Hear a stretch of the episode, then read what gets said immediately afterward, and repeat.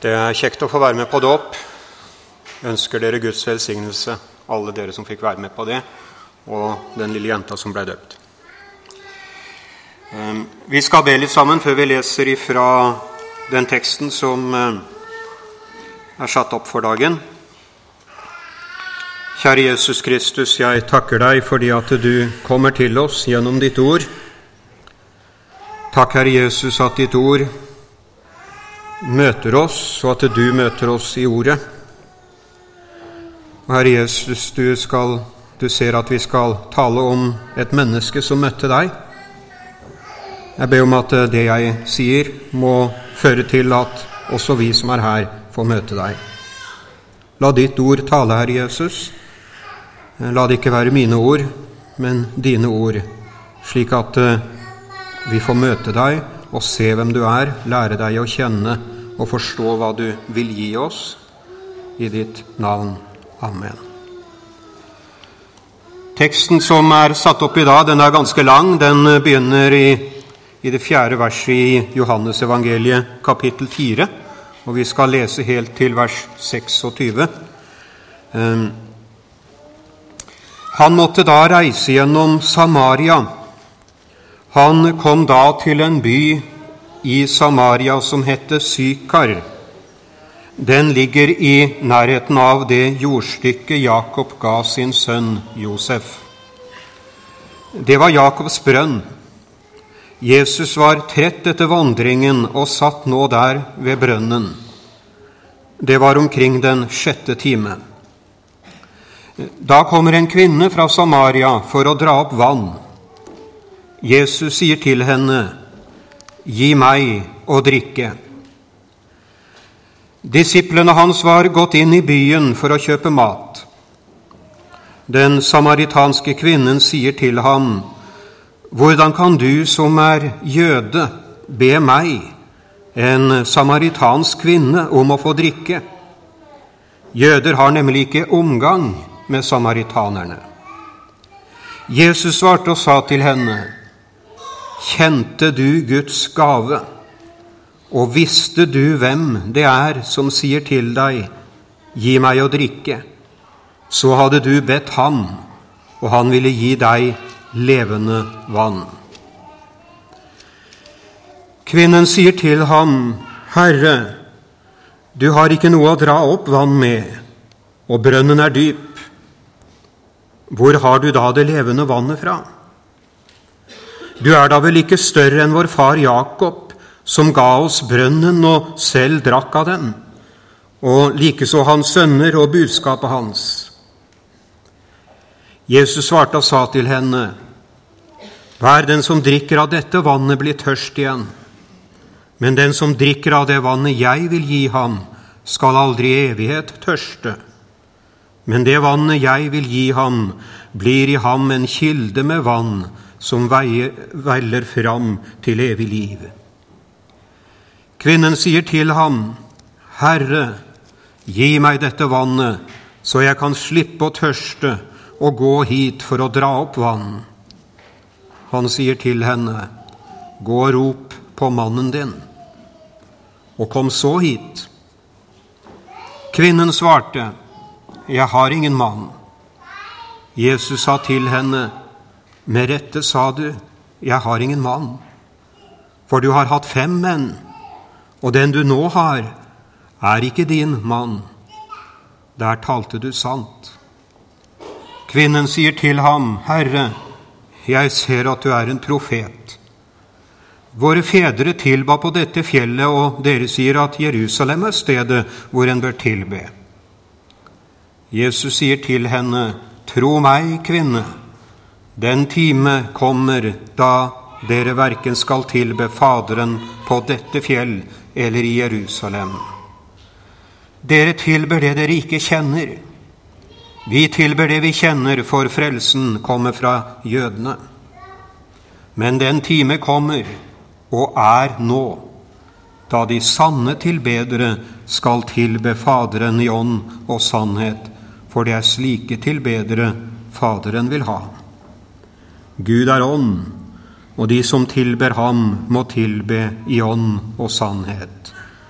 Kvinnen sier til ham, Jeg vet at Messias kommer, han som kalles Kristus. Når han kommer, skal han forkynne oss alt. Og Jesus sier til henne, Jeg er det, jeg som taler med deg.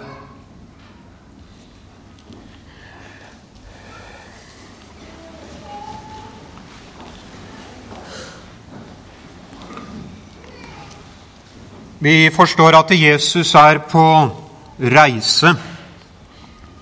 Han skal fra det området som kalles Judea, og til Galilea. Og for å komme dit så, så måtte han gå gjennom et område som het Samaria. Det var et eh, landområde innafor Israel som delte landet i to, nærmest på midten. Og eh, skulle man til eh, nordover, ja, så, så måtte man gå igjennom der. Eh, der bodde det et folk som ble kalt for samaritanere. Det, det var et folk som kom dit den gangen da israelsfolket ble bortført. Sånn som det står i Skriften om at de ble bortført til Babylon og var der i 70 år. Det var en krigsherre som kom og okkuperte landet og førte folket bort. Og så, så gjorde han noen sånne hva skal vi si, omrokeringer. Han fikk folke, en annen folkegruppe inn der, og de ble etter hvert kalt for samaritanere. Når israelsfolket kom tilbake så fra fangenskapet, ja, så forble denne folkegruppen der. Og de hadde sin egen lille provins. Og der eh, der bodde de. Det var et veldig anspent forhold mellom eh, jødene og samaritanerne. Det er det ganske mye å si om, men eh, forholdet var av en sånn karakter etter hvert at de, de hadde hver sin gudsdyrkelse. Eh, jødefolket bygde opp igjen sitt tempel, som var revet ned. De bygde det opp i Jerusalem. Og eh, samaritanerne de hadde sin gudsdyrkelse på et sted som heter Garisim. Og De var i grunnen kjent med mye av det som står i Skriften, for de anerkjente de fem Mosebøkene. Men likevel så Ja, de hadde dette spørsmålet ja, hvor, hvor er det riktig å dyrke Gud. Er det på Garisim, eller er det i Jerusalem? Um,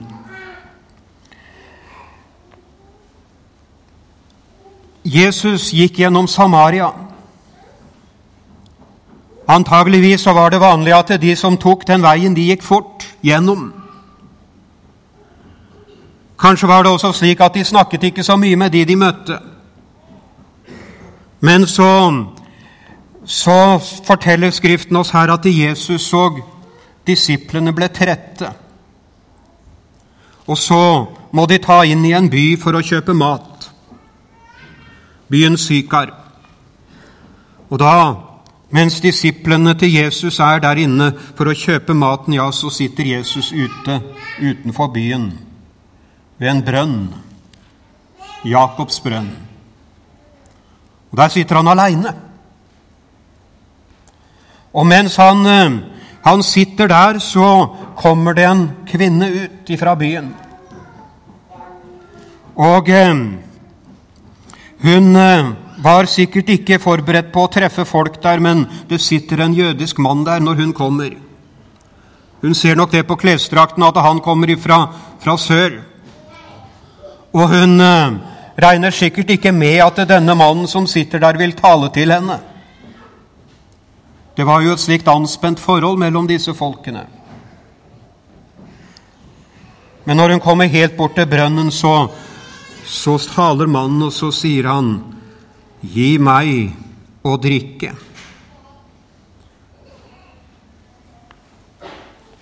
Han ikke bare talte til henne, men han ba henne om en tjeneste. Det er eh, i grunnen jeg håper å si det vi kaller en icebreaker. ikke sant? Det er det er noe med det å be et annet menneske om en tjeneste. Da har du, da har du satt den andre høyt. Da har du vist vedkommende respekt. Og det var i grunnen det Jesus gjorde Det var sånn han møtte den kvinnen som var helt ukjent for ham. Det var det første Jesus sa. Gi meg å drikke. Og da blir hun så overrasket, og så, og så spør hun hvordan kan du, en jødisk mann, be meg om å drikke? Og så, så går Jesus rett på sak, og så sier han noe underlig.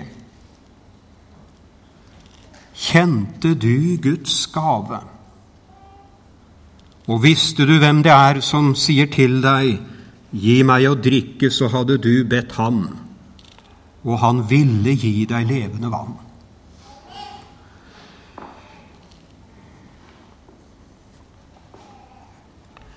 Dersom du hadde kjent meg som sitter her, sier Jesus,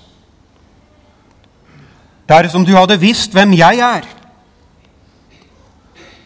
og hva jeg har å gi, så ville jeg gitt deg Guds gave.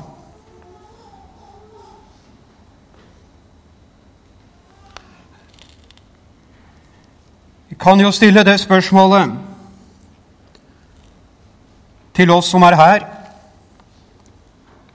Kjenner du Guds gave? Kjenner du Han som har makt til å gi den? Vet du hva Guds gave er? Og vet du hvem Jesus er? Det kan nok tenkes at det er noen som, som tenker med seg selv ja, de, de, de kristne de, de har noe de tror på. De har et nytt liv og et annerledes liv enn mange andre i denne verden. Og de snakker om evangeliet og om frelsen og nåden og alle disse tingene. Det virker litt uklart og rart, alt sammen.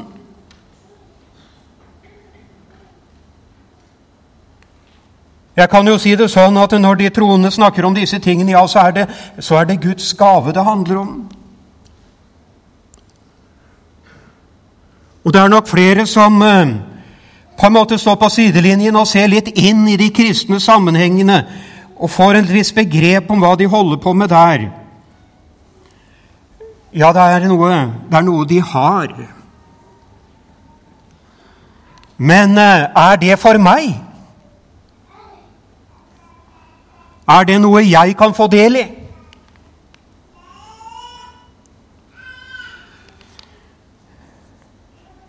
Kjente du Guds gave, og visste du hvem det var som sier til deg, gi meg å drikke, så hadde du bedt ham, og han ville gi deg det levende vannet. Å stille det spørsmålet er den gaven som vi har felles og har fått av Jesus, å stille det spørsmålet er den, er den for andre enn oss. Det er jo nesten banalt, ikke sant? Men det er nok de som står på utsiden kanskje og stiller det spørsmålet. Og hvorfor stiller de det? Fordi de ikke kjenner Jesus. Det har ikke gått opp for dem at han vil at de også skal ha gaven. Hvem de enn er, og hvordan nå enn livet deres er. Om det er helt revet i stykker og bare stumper igjen av det, så er det én ting Jesus vil, og det er å gi Guds rikes gave. Det var i grunnen det Jesus viste i samtale med den samaritanske kvinnen. De begynner å snakke sammen, og hun stiller disse spørsmålene til han. Ja, brønnen er dyp. Hun skjønte nok at dette her var, dette handlet ikke om vannet i Jakobs brønn. Her var det noe som lå mye dypere. Du kan da vel ikke være større enn Jakob, siden du har en slik gave å gi meg som du antyder nå?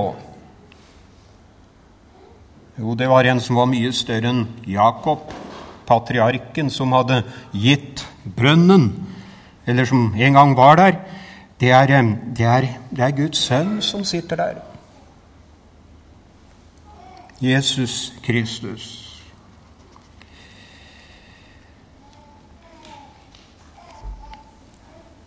Den kvinnen Jesus talte med, var nettopp blant dem som hadde et ødelagt liv.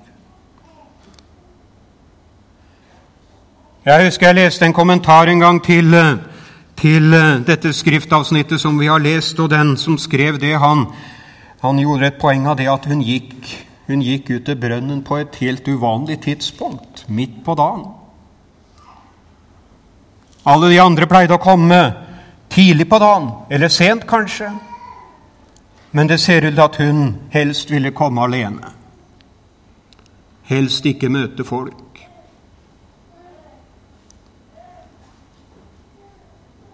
Antageligvis så var det både skam og følelse av å være helt utenfor og nederst i samfunnet som på en måte trykte henne ned, og som gjorde at hun ikke våget å gå på noe annet tidspunkt. Det er merkelig.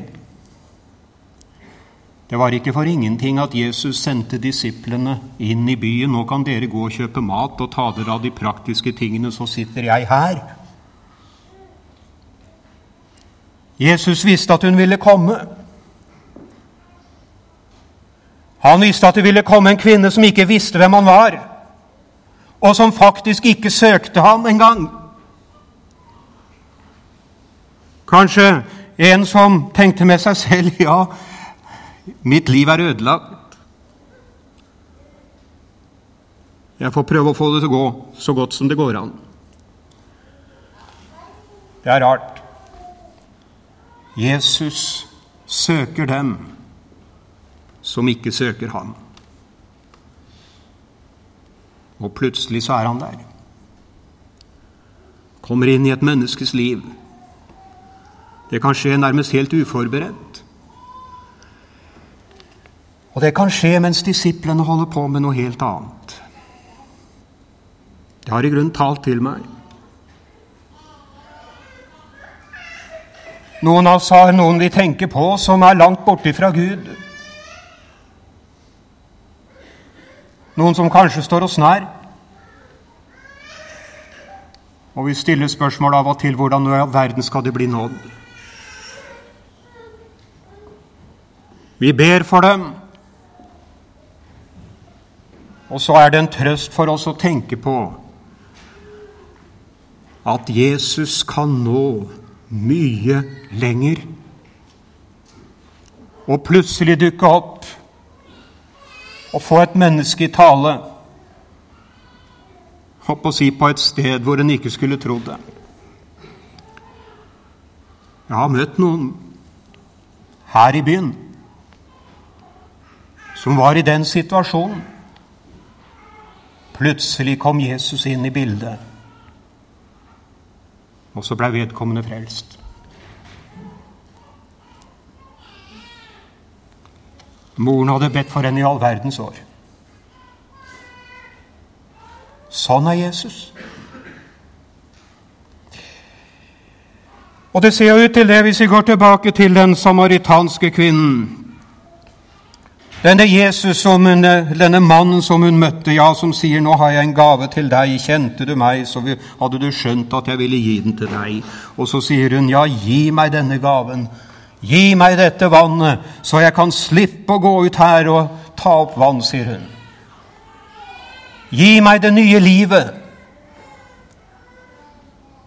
Gi meg en ny start.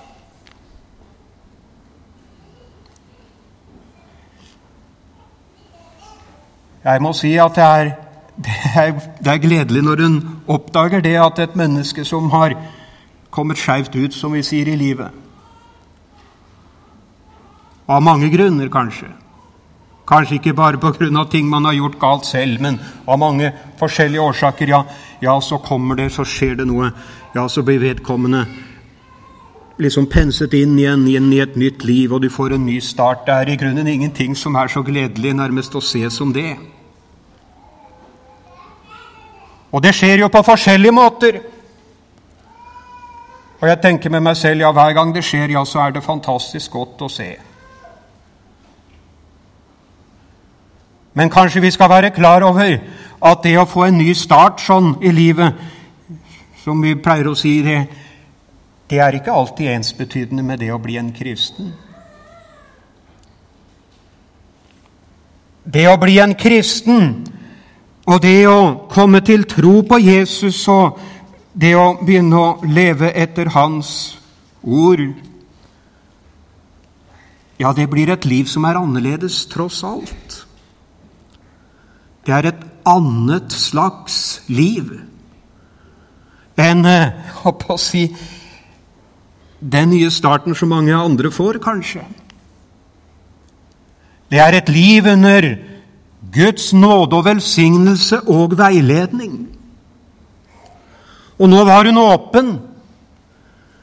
Nå var hun innstilt på og så muligheten. Kanskje jeg kan få et nytt liv. Gi meg av dette vannet, så jeg, jeg kan få slippe å tørste, sier hun. Tørst. Det er fæle greier. Men så er det er det nettopp fordi hun står overfor Jesus at du, hun får en, et merkelig svar.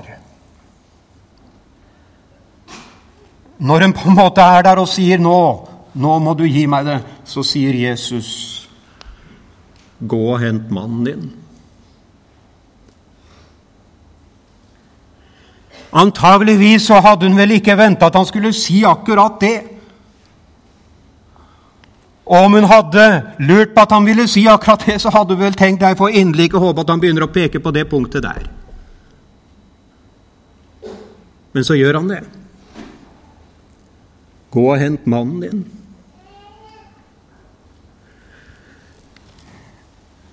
Og så svarer hun Nei, jeg har ingen mann. Men så får hun et svar av Jesus igjen som faktisk viser at det her har han å gjøre med en som det ikke går an å skjule sannheten for.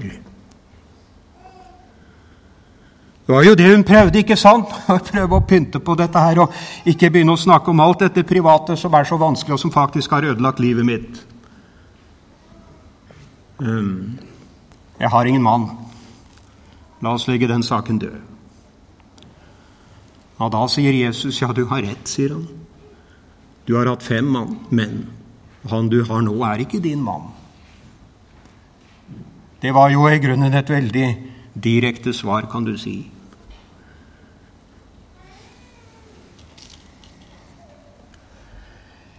Jeg syns det er vanskelig å se til bunns i hvorfor Jesus svarer på den måten.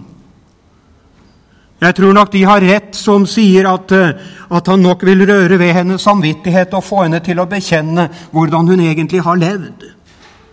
Og det er ikke farlig for et menneske å gjøre det overfor Jesus. Det farligste det er å prøve å skjule livet sitt og alt det som kalles synd i livet. At en prøver liksom å dekke over det og, og, bagatellisere det. Det er farlig. Men å si til Jesus hvordan det er, det kalles, kaller vi å bekjenne. Ikke skjul noe for Jesus. Jeg tror Jesus ville åpenbare for henne at, eh, at han hun talte med, han som han sa Dersom du kjente meg, så ville du forstått jeg ville gi deg gaven. Han ville gi henne en erkjennelse og forståelse av at 'jeg kjenner deg'. Jeg vet hvem du er.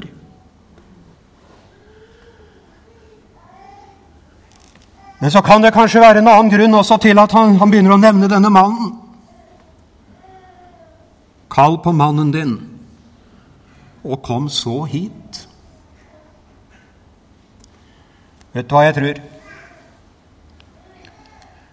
Jeg tror Jesus ville gi den gaven til den mannen nå. Han som håper si også levde et liv som var helt utenfor det på en måte som man burde leve, sannsynligvis. Kom med han nå. Gaven er for ham. Og så tenker jeg kanskje at Jesus gir oss en påminnelse om noe som, ja, som er veldig vanskelig for mange. Og som det er litt vanskelig å snakke om også, men det er dette med, med at Jesus vil inn i livet vårt. Gå og hent mannen din, og kom så til meg. Det kan være mange ting i privatlivet vårt som vi ikke snakker høyt om, og vi bør ikke snakke så høyt om det heller, for det kan være risikofylt sikkert. Men, eh, men Jesus ser alt. Han ser også inn i vårt familieliv. Hvordan vi har det med hverandre. I ekteskapet. Det er mye som rakner i vår tid. Det er mye som går i stykker. Og jeg vil ikke foreslå enkle løsninger på ting som er fryktelig vanskelig. Men jeg vil minne om det Jesus sier. Kom til meg. Kom. Jeg holdt på å si begge to. Jeg har en gave å gi. Et nytt liv. Jesus har noe som ingen andre kan gi. Og så er han her, og så innbyr han. Og da, da syns nok denne kvinnen her at det nå blir det litt for nærgående hele. Nå invaderer han meg, sånn som vi sier. Nei, nå får jeg heller stille et religiøst spørsmål og begynne å diskutere skal vi, skal vi dyrke Gud på Garishim, eller skal vi dyrke Gud i Jerusalem. Det har vi jo diskutert i alle år. Ja, nå griper jeg den. Og så inviterte hun Jesus inn i det. Hvor, ja, dere tror jo så mye rart. Dere kristne, ikke sant? Noen sier sånn, og noen sier sånn. La oss heller diskutere religion. Og la oss ikke slippe Gud altfor nær innpå. Det nytta ikke med en sånn finte i møte med Jesus. Han ville noe mer. Og så sier han til henne det skal komme en dag, og den er nå, da det ikke skal dyrke Gud verken på Garishim eller i tempelet, men vi skal dyrke Gud i ånd og sannhet. Merkelig hvordan Jesus på en måte fører tilbake til det han har på hjertet nå kan vel noen tenke ja, dette betyr vel at det er det grunn det samme hva vi tror og mener, og hvem vi har tilbedelsesfellesskap med. Dette er vel et slags sånn fribillett nærmest til å, å, dyrke en form for religiøs si, dyrkelse der hvor man ikke spør etter religioner eller hva man tror og hva man bekjenner. Det er bønnen og tilbedelsen som er det viktigste, men det er jo faktisk ikke det Jesus sier. Frelsen kommer fra jødene, sier Jesus. Og det handler om å tilbe Gud i ånd og sannhet. Tilbe Gud i ånd og sannhet.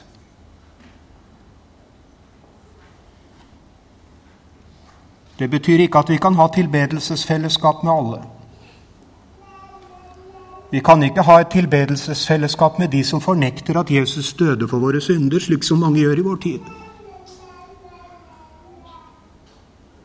Vi kan ikke ha et eh, åndelig fellesskap med de som fornekter det som tempeltjenesten Jerusalem egentlig handlet om, nemlig at Gud skulle sone all verdens synd ved Messias. Frelsen kommer fra jødene, sier Jesus. Og nå er jeg her, i Samaria. Og nå er Jesus her. Og han taler til oss. Å tilbe Gud i ånd og sannhet, det har, det har å gjøre med at jeg tar imot gaven. Og priser Gud for det.